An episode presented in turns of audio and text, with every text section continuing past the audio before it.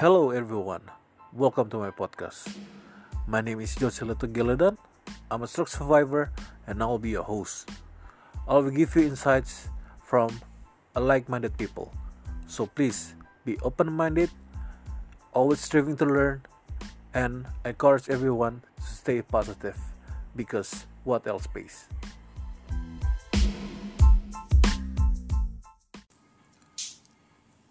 Hello, um, my name is Jose Lito Gildan. Welcome back to my podcast.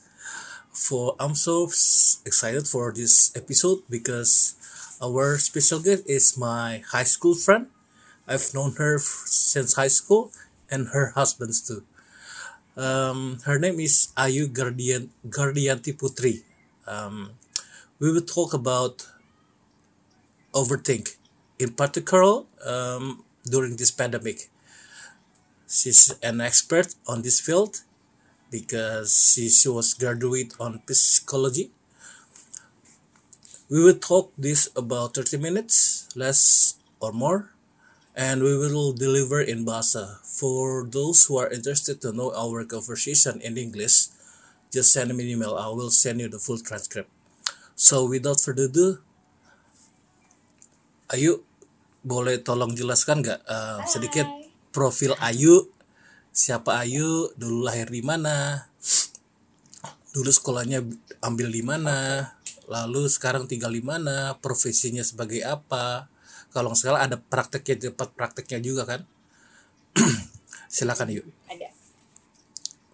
Oke hai Jose. Hai ah. pendengar-pendengar Jose. Ini pertama kali sih gue join di podcast gitu ya. Hmm. seneng banget nih bisa diundang bergabung di podcastnya Jose okay.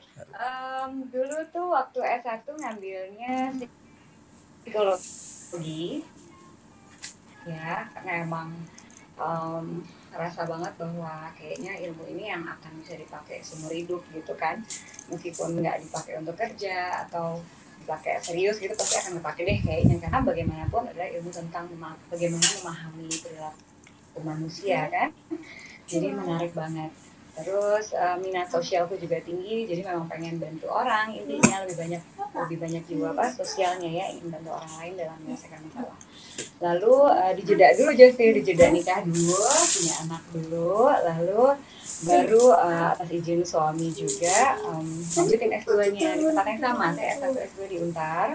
Kebetulan juga jam jam kuliahnya juga uh, bisa apa sesuai sama kebutuhan aku saat itu ya jadi uh, kuliahnya sabtu minggu lalu kuliahnya malam gitu oh. disambi lah gitu hmm. lalu setelah itu uh, praktek buka uh, praktek pribadi di klinik uh, klinik teman juga bareng di privé di privé itu di Point Subak Bulus ya, hmm. jadi itu judulnya sih privé medical um, dental and medical team jadi ada ada dokter gigi, ada dokter umum, ada dokter kulit, dan juga biar uh, makin lengkap, jadi ada psikolognya gitu cerita. Hmm. Jadi pengen one stop apa uh, tempat um, buat apa namanya medis gitu ya.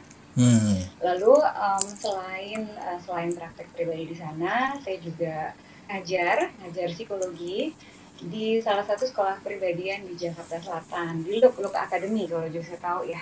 Dulu sih terkenal sih sekolah modeling ya. Ya. Yeah. Dulu dulu terkenalnya sekolah modeling, tapi sekarang lebih ke sekolah perbedian. Jadi kita pengen ngambil masa yang lebih lebih luas, jadi nggak untuk ngajarin untuk jadi model aja, okay. tapi gimana untuk jadi lebih pribadi yang lebih baik gitu, khususnya untuk anak-anak muda yang pengen terjun ke dunia entertainer, gimana cara mengenali diri mereka, hmm. bagaimana caranya untuk lebih percaya diri dan hmm. lain sebagainya lalu uh, yang paling besar sih emang profesinya ibu rumah tangga ya karena sekarang anaknya udah dua dan masih usia-usia emas nih masih ada yang empat tahun yang kecil itu jadi hmm. masih emang fokusin di ibu rumah tangga tapi ya kerjaan juga jalan juga sampai aja sih seiring sejalan sih keduanya oke okay. itu Oke, okay, thank you. Um, menarik sih kalau dilihat dari motivasinya kenapa ambil psikologi. Um, basically, she's wanna help people ya um, mungkin dorongan itu yang nggak semua orang sama kan kalau ambil jurusan yeah. psikologi ya gak sih tapi sangat menarik karena memang kita zaman sekarang itu helping people is a is a important uh, task ya karena banyak yang perlu dibantu kayaknya hmm. khususnya di da- dalam masa-masa yang sulit seperti ini yang sedang pandemik. Sebelum kita masuk ke main our main topic nih yuk. Kadang gue masih misconception ya, mis misunderstanding antara psikolog dan psikiater. Bisa lo tolong jelasin nggak bedanya di mana sih? Soalnya ada yang bilang kata gue, lo kayak butuh ke psikolog deh. Kadang ada yang bilang lo harus ke psikiater deh. Nah gue gue pribadi nggak bisa bedain dua hal tersebut gitu. Menurut lo gimana? Oke, yang paling uh, dasar paling uh, besar adalah psikiater boleh memberikan obat kepada pasiennya Hmm. dan dipanggilnya dokter gitu. Hmm, Oke. Kalau dan S1-nya juga dari kedokteran, S1-nya juga dari kedokteran, tapi mengambil spesialis adalah kedokteran jiwa gitu ya atau lebih khusus lagi ke psikiaternya gitu kan. Sedangkan kalau psikolog itu pasti S1-nya dan S2-nya harus psikologi. Apalagi sekarang kalau mau jadi psikolog harus S2 psikologi juga. Makanya digelar kan ada uh, MC, Master Psikologi, sama um, abis itu baru bisa ngambil profesinya menjadi psikolog gitu. Oke, jadi Um, ya itu bedanya bedanya ya si psikiater itu bisa ngasih obat kalau psikolog nggak lebih ke terapi terapinya Oke. aja gitu. Jadi kalau memang dibedakan dari gangguan-gangguan ya, kalau memang yang depresi berat atau yang em, yang lebih ke klinis dewasa sih, kalau yang dewasa tuh biasanya lebih butuh obat. Itu ya Oh. anak juga sih sebenarnya. Maksudnya gangguan-gangguan tertentu memang membutuhkan bantuan obat. tapi misalkan gue punya masalah nih kayak gue stres banget nih. I need to talk with someone gitu yang expertise di bidangnya. Minimal gue ke psikolog dulu lah ya, gitu ya. Boleh ke psikolog dulu boleh. Nanti kan dari situ sebenarnya kami para psikolog itu di eh, udah disumpah untuk eh, bekerjalah sesuai eh, minatnya gitu ya. Jadi misalkan eh, minat dan keahliannya gitu ya. Hmm. Jadi ada psikolog psikolog tuh eh, banyak semua juga ngaku psikolog tapi memang kalau misalkan seperti saya tidak mampu, tidak suka terima dengan kasus eh, LGBT misalkan, nggak mampu, nggak sanggup dan di kepala udah punya stigma misalkan ah nggak bisa orang kalau Hmm. mereka tetap nggak bisa ya nggak bisa, nah itu nggak boleh terima gitu Hmm, kan, nah, jadi harus harus sesuai dengan uh, skillnya gitu. Nah jadi sebenarnya waktu masuk ambil master itu Hmm. dibagi lagi ambil profesi mau psikologi pendidikan, lalu klinis anak atau klinis dewasa gitu. Dan juga ada yang di organisasi, jadi yang ke kantor biasanya ke perusahaan, gitu ya, untuk nyaring-nyaring uh, pegawai atau untuk jadi apa namanya uh, trainer-trainer gitu tuh biasanya psikologi industri dan organisasi. Oh, itu ada spesifik bidang ber- berbeda lagi tuh ya. Iya, sebenarnya dibedakan lagi. Tapi pada saat terjun ke masyarakat, kita labelnya hanya psikolog saja gitu. Jadi memang harus butuh uh, Hmm. kritisnya dari klien, kritis kritisnya dari klien, lalu uh, dan juga uh, ya lagi-lagi ke jiwa sosialnya psikolognya ya, berani jujur atau enggak sama kompetensinya masing-masing gitu. Nggak bisa jangan semua kasus diterima gitu kan. Iya, iya. yang kliennya gitu. Kalau Ayu pribadi, yang kliennya gitu. Kalau Ayu pribadi kompetensinya di bidang apa kalau boleh cerita? Kalau aku terus terang ngambil uh, psikologi pendidikan. Pendidikan ya. tapi uh, juga klinis anak. Ah, Nah, sih. pendidikan dan klinis anak sebenarnya pendidikan sebenarnya kalau mau dikulik lagi lebih luas sebenarnya. Jadi Iya, lebih- betul. kalau di dokter mungkin kayak lebih dokter umum gitu ya bahwa saya tuh lebih mengedukasi bahwa kamu tuh lebih baik ke psikolog ini, psikolog ini gitu ya. Lebih sebenarnya sih bisa lebih luas jangkauannya gitu. See. Oke. Hmm.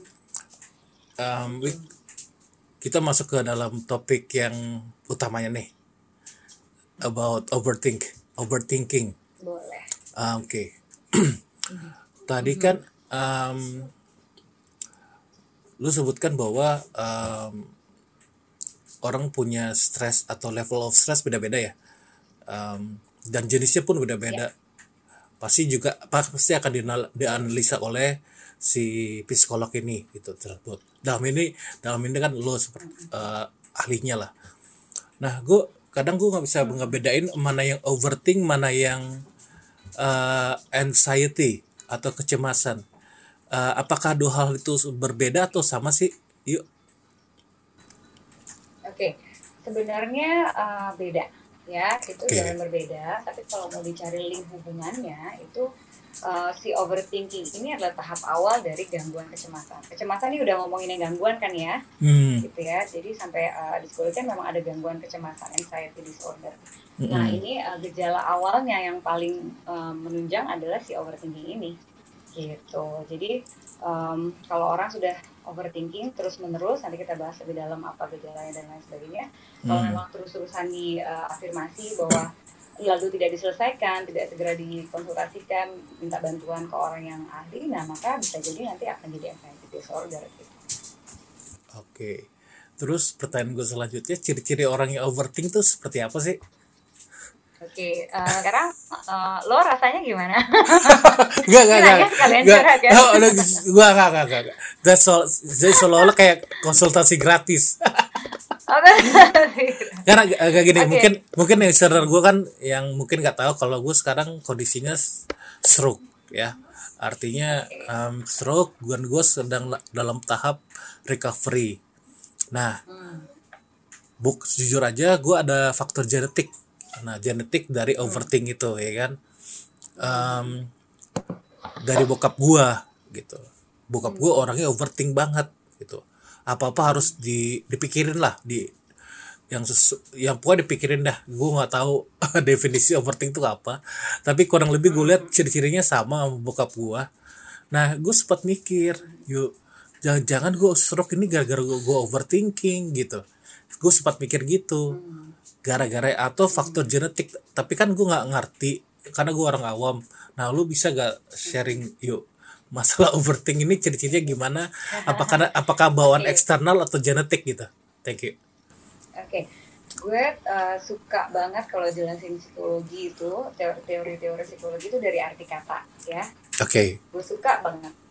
Karena dari kadang-kadang dari arti katanya aja itu sebenarnya sudah membantu banyak menjelaskan gitu mengenai situasinya.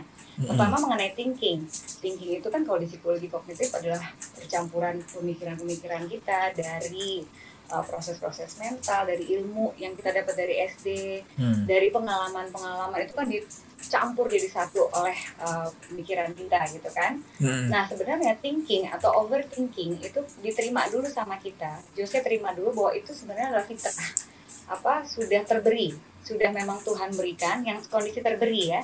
Hmm. Kondisi terberi seperti misalnya jantung yang selalu berdetak itu kan terberi. Jadi Hmm. sebenarnya kasarnya tuh nggak bisa diapa-apain gitu. Oh. Sebenarnya nggak bisa diapa-apain ya, tapi bisa jadi positif dan Hmm. bisa jadi negatif. Kapan dia positif?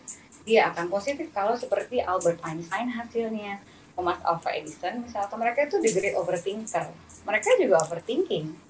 Tapi yang dipikirin apa dulu gitu kan? I see. yang dipikirin sesuatu yang ya mereka juga overthinking itu sebenarnya situasi di mana kita tuh kayak ruminating apa yang dipikirin tuh itu muter terus gitu tapi kalau memang fokus padahal dia mau menemui satu teori misalkan Hmm. overthinking yang nggak jadi masalah karena memang teorinya mungkin nanti penting banget kan untuk kehidupan kita kan Hmm. gitu loh nah yang nggak bagusnya gimana nah tapi sayangnya nggak semuanya Albert Einstein nggak semuanya sejenius dia gitu manusia biasa biasanya jatuh pada pikiran-pikiran yang negatif nah Betul. jadi uh, biasanya overthinking itu jadinya lebih kesannya kepada banyak banget yang dipikirin tapi isinya negatif jadi misalnya kalau dikasih contoh orang mau presentasi gitu ya Hmm. jadi orang presentasi minggu depan gitu. Judulnya ini saya harus presentasi untuk mengikat apa um, apa bikin menarik klien gitu. Nah, orang kan presentasi kalau misalnya orang yang ha- hanya mikirkan logikanya aja, oke saya harus susun apa nih? Gimana caranya supaya menarik? Saya kontennya harus menarik ini, desainnya gini-gini. Udah, that's it, cukup. Untuk Hmm. para overthinker yang negatif, dia akan Hmm. lebih mikirin pakai baju apa ya kira-kira ya yang bisa pas di foto itu nggak kelihatan gemuk terus gimana caranya make upnya biar flawless ya makanya memang kalau dari prevalensinya overthinker ini biasanya perempuan gitu Hmm. kan. Padahal tapi nggak menutup kemungkinan bahwa laki-laki juga mengalami tapi bagaimanapun kalau dari penelitian kalau mau kita lihat prevalensinya itu banyak wanita. Karena kita akan lebih ribet urusan yang lain-lain itu gitu. Nah tapi memang kalau untuk kalau untuk menunjukkan hasil sih silakan aja. Ya kan senang dong yang presentasi nonton presentasi yang eh, perempuannya rapi bajunya bagus kan senang gitu. Hmm. tapi gimana kalau nanti eh, Jose lihat perbedaan gimana kalau yang wanita itu tadi lebih fokus mikirin baju dan makeup sampai presentasinya nggak selesai. Itu tuh namanya overthinking yang negatif. Ya jadi hasilnya tidak selesai. Kebanyakan sih nggak akan selesai Hmm. tapi lebih fokus dan sampai mengganggu pola hidupnya. Pola kerja pola hidup jadi nggak bisa tidur nggak Hmm. bisa uh, pola makan terganggu. Dan pekerjaan tujuan akhir yang dari awal kita mau buat misalnya tadi presentasi minggu depan itu nggak akan selesai. Biasanya nggak selesai gitu Oke, Chat. jadi bottom line-nya adalah yang bikin yang bikin beda adalah kalau sudah mengganggu kehidupan sehari-hari pola Hmm. tidur pola makan dan sudah mengganggu ritme kerja nah itu baru bisa dibilang overthinker yang negatif gitu Oke. itu dulu ya basicnya ya Oke, gue kita di sini gue seperti gue seperti orang awam pada umumnya bahwa gue mikir overthink itu em, faktor eksternal. Em, ternyata mungkin ada faktor genetik juga. Dan gue juga baru tahu sekarang nih kalau ternyata overthink itu is a good thing selama lo me- menga- mengarahkannya ke hal yang positif. Kayak contoh yang lo ambil seperti Albert Einstein, let's say gitu atau tapi ke, kepada umumnya rata-rata orang ngarahnya ke yang negatif ya. Nah, ciri-ciri yang bisa lo jelaskan ya kayak gimana sih ciri-cirinya? Maksudnya gue nih pribadi nih, yuk, gue pribadi ya, yang di awam ya iya iya iya. Gue nih, gua yang gue ngerasain kalau gue terlalu overthink, gue sampai keringetan tangan gue gitu. I feel nervous yang berlebihan, kayak mau mau throw up gitu, kayak mau muntah. Kayak contoh kayak sebelum gue podcast dengan lo ini, gue Iya. pribadi kayak nervous dan keringet dingin gitu. Em, it- padahal kan sebenarnya is a light discussion ya, tapi kenapa gue kayak gitu gitu? Nah, lu bisa jelasin nggak? gue nggak bisa jelasin. Oke, oke. Nah, jadi memang harus eh, dipisahkan ya, mana cemas yang biasa, mana grogi, ya Hmm. kan? Semua juga kalau mau melakukan sesuatu yang penting, nah berarti sebenarnya grogi pun orang bilang selalu jelek. Padahal kan kalau kita lihat sisi positifnya adalah sa- saking groginya, kalau atau makin grogi seseorang, makin Hmm. cemas akan penampilannya.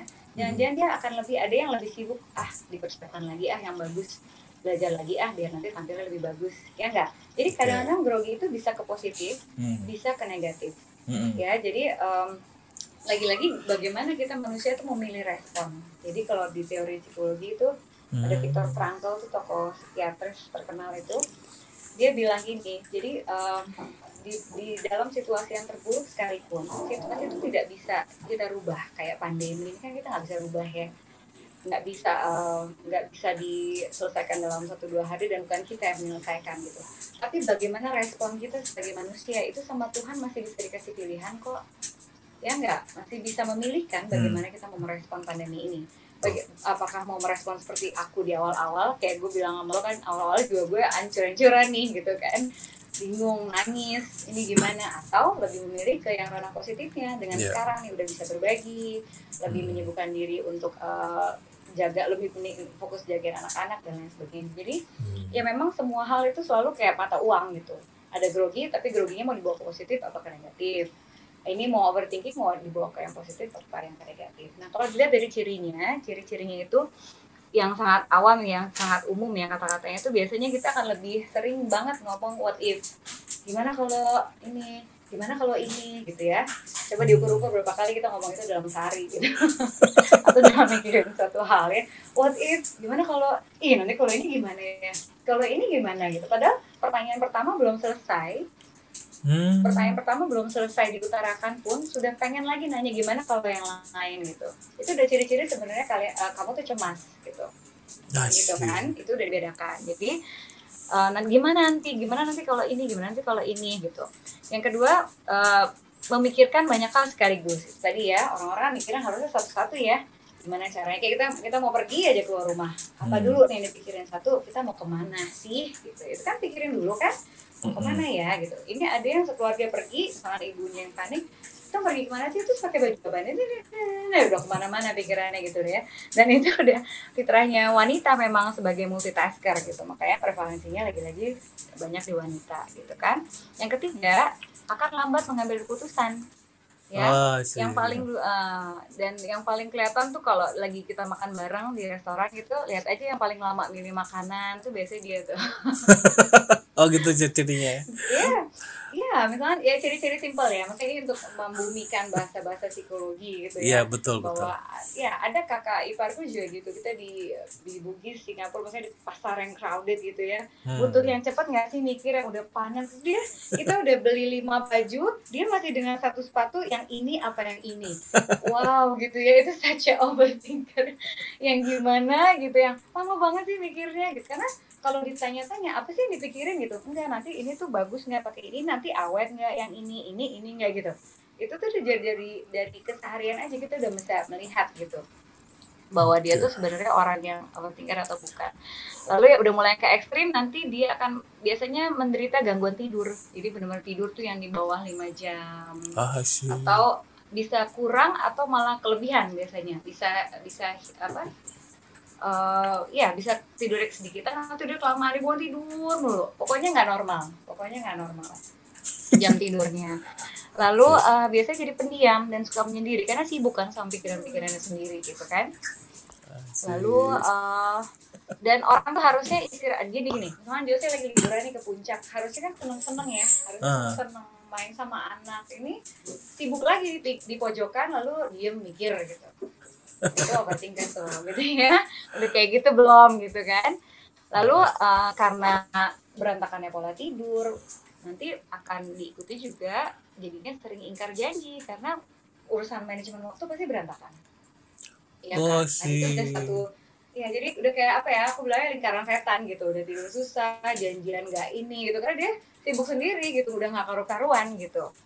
Lalu biasanya ada juga yang ke perfeksionis jatuhnya Nah, biasanya orang-orang perfeksionis tuh yang kalau keluar udah rapihnya serapi dipikir-pikirin matching-matchingnya atau pekerjaan juga ya bagus ada yang perfeksionis bagus. Tapi ada satu titik yang nanti sebenarnya orang awam bisa lihat bahwa itu tuh lebay gitu.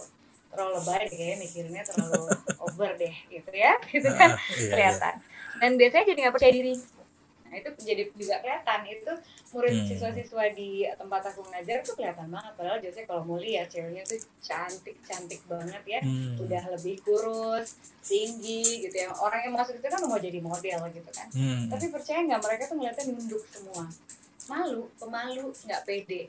Hmm. pada saat saya tanya apa yang bikin kamu malu deh cantiknya kayak gini? gitu ya. Aduh gitu ya. Kamu kenapa sih? gitu. Ada apa? Apa yang kamu pikirkan? gitu. Terus jawabnya ya ya takut takut salah. Nanti um, takut di- dilihat orang tuh. Ini apalagi anak sekarang kan udah gadgetnya udah lebih early ya mereka punya ya. Hmm. lalu udah udah mulai kenalan karena sama yang namanya netizen ya netizen itu kan tahu dong kita share apa dikit yang ih kok baju gitu sih? Eh kok ininya gini sih? Gitu. Nah itulah makanya sebenarnya kalau punya sosial media ada minimum usianya ya orang tua tuh juga mesti aware gitu.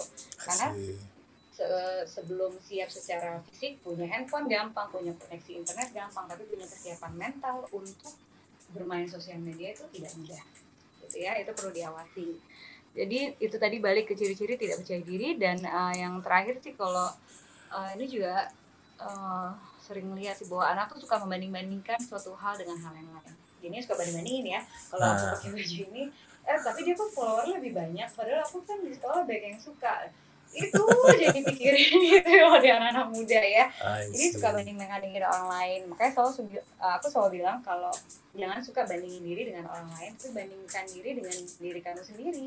Jadi dulu eh, belum bisa sekarang harus lebih baik lagi misalkan. Jadi ada banding bandingin ada juga caranya yang sehat ada yang eh, negatif gitu kira-kira itu deh ciri-cirinya sebenarnya Iya, banyak iya. lagi cuma maksudnya yang yang yang lebih membumi gitu bahasanya Betul, wow, wow, Wah, Mm. that's so um, compelling ya, compelling explanation from from from the experts. Gini yuk, um, kita kan lagi pandemik nih, pandemik, uncertain times. Jadi kita kan serba. Serba nggak jelas ya. Kalau dibilang sih ya, kalau karena kan ini kan pertama kali ya dalam ge- generasi kita pun yang pertama kali mengalami hal seperti ini. ya Nah, orang-orang yang overthink itu kan bukan overthink ya. Orang-orang pada umumnya, masyarakat pada umumnya kan kepikiran gila gue besok makan apa nih? Besok kerjaan gue gimana nih? Gitu kan. Apa nanti gue kalau gue keluar gue kena virus gak? Kayak gitu kita banyak yang hal-hal negatif. Nah, menurut lo dengan pandemik seperti ini itu bisa mendorong orang dari yang overthink ke anxiety gak yang seperti lo jelaskan tadi di awal?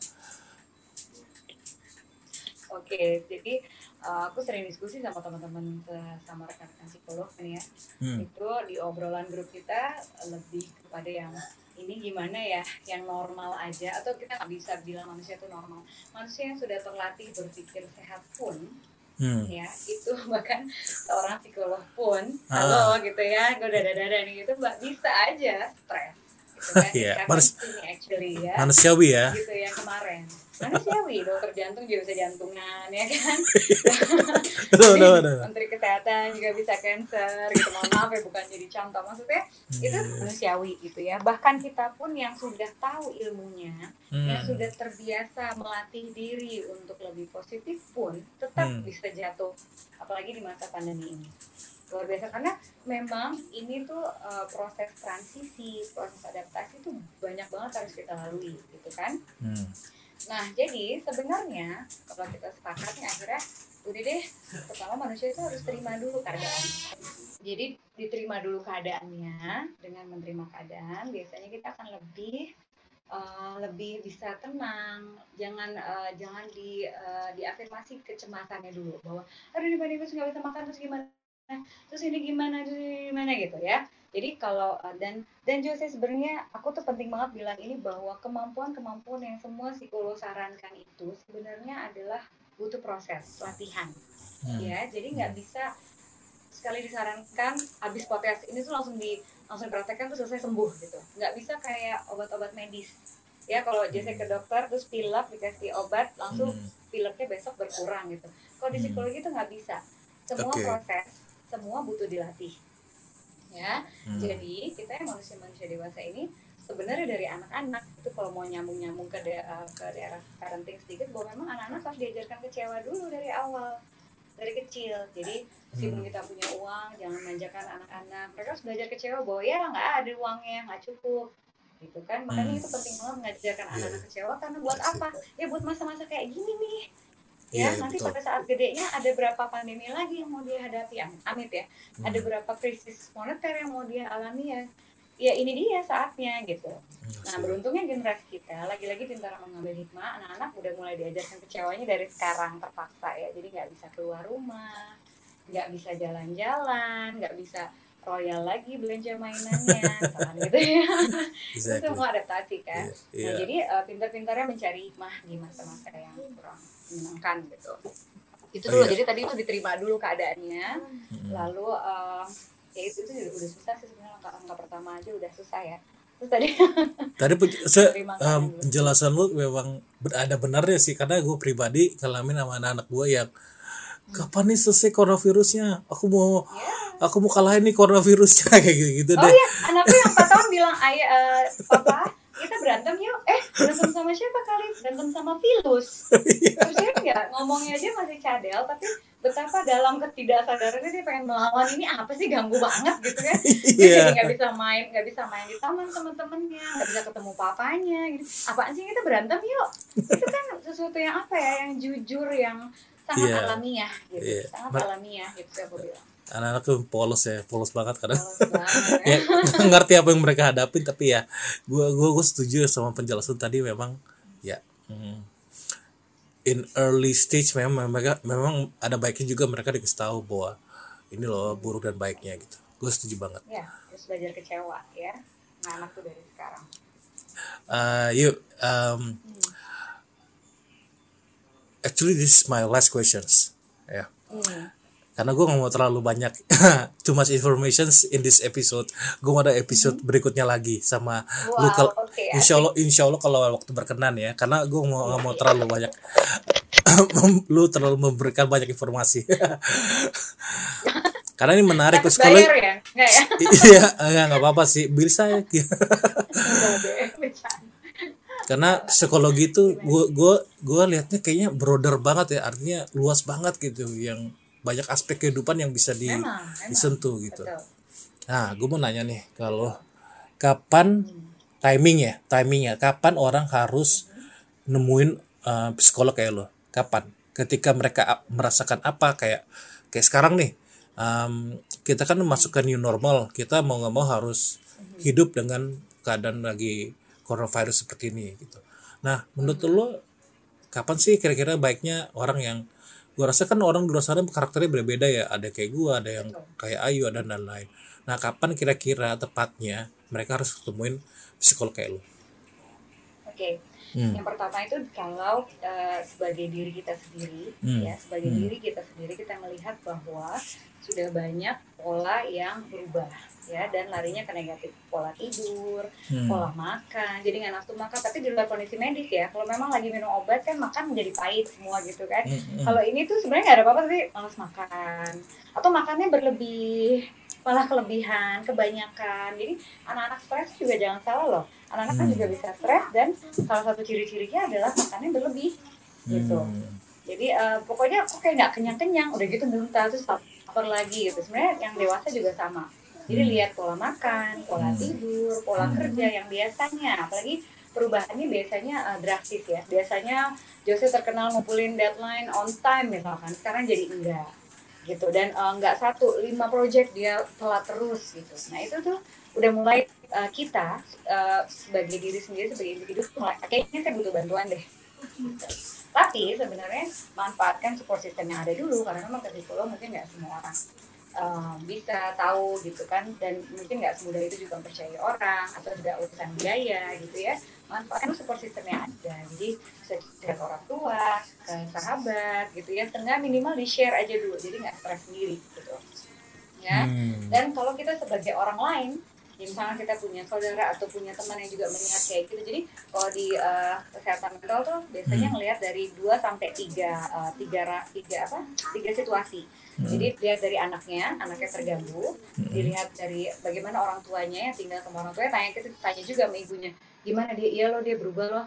Makannya berantakan tidurnya juga berantakan gitu. Dan juga kita tanya ke teman-teman kerjanya.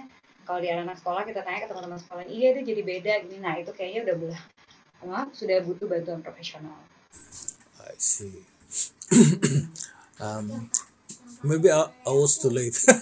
mungkin gue mungkin gue pribadi ya, tapi gue nggak mau ke di orang-orang di luar sana. Tapi memang ada baiknya kita ketemu dengan yang ahlinya lah. Artinya di negara maju pun seperti Amerika is a common lah ya. iya Ketika satu lo anak satu string ketika lo sangat penuh pressure di di, di pekerjaan kadang memang solusinya adalah independent party seperti psikolog ya ini someone Betul. to Oke, jadi sebenarnya satu Iya, sebenarnya satu pemikiran yang dari kuliah tuh di kepala ya dan aku selalu Hmm. sampaikan ke orang-orang bahwa Hmm. sebenarnya manusia tuh ibu deh seorang ibu tuh melahirkan sendiri bisa kok bisa kan di Afrika tuh lahiran sendiri Hmm. tapi apa yang terjadi mohon maaf ya mungkin vaginanya berantakan sobeknya pendarahannya banyak Hmm. atau mungkin yang paling parah bayinya ada yang meninggal atau ibunya juga meninggal Hmm. melahirkan sendiri bisa bisa melahirkan sendiri bisa bayinya keluar keluar tapi berantakan nah Yes. sebenarnya manusia juga pada dasarnya bisa menyelesaikan masalah sendiri Hmm. bisa kok